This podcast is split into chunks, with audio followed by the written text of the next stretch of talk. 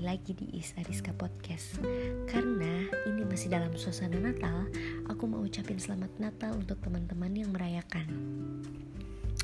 Nah, kali ini aku akan membahas mengenai COVID-19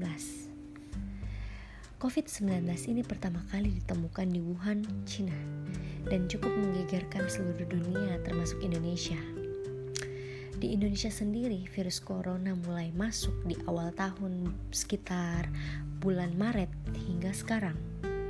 Selama pandemi ini, teman-teman teman-teman semua sudah banyak menghabiskan waktu di rumah, apalagi sempat beberapa kali diberlakukan PSBB dan tersebar hashtag di rumah aja.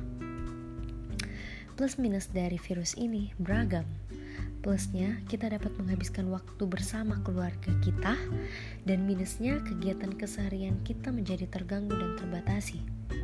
Semenjak adanya virus ini, pendapatan teman-teman dari semua kalangan terus menurun. Banyak terjadi PHK massal, dan proses ajar mengajar juga terganggu, dan serba digital.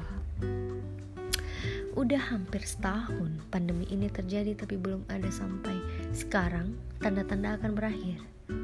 Ya, itu merupakan kabar buruk untuk aku, begitupun untuk teman-teman semua.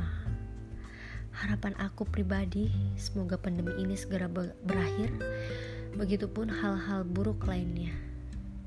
Amin ya semua.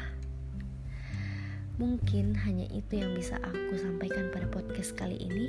Makasih untuk yang selalu mendengarkan. Jangan bosan.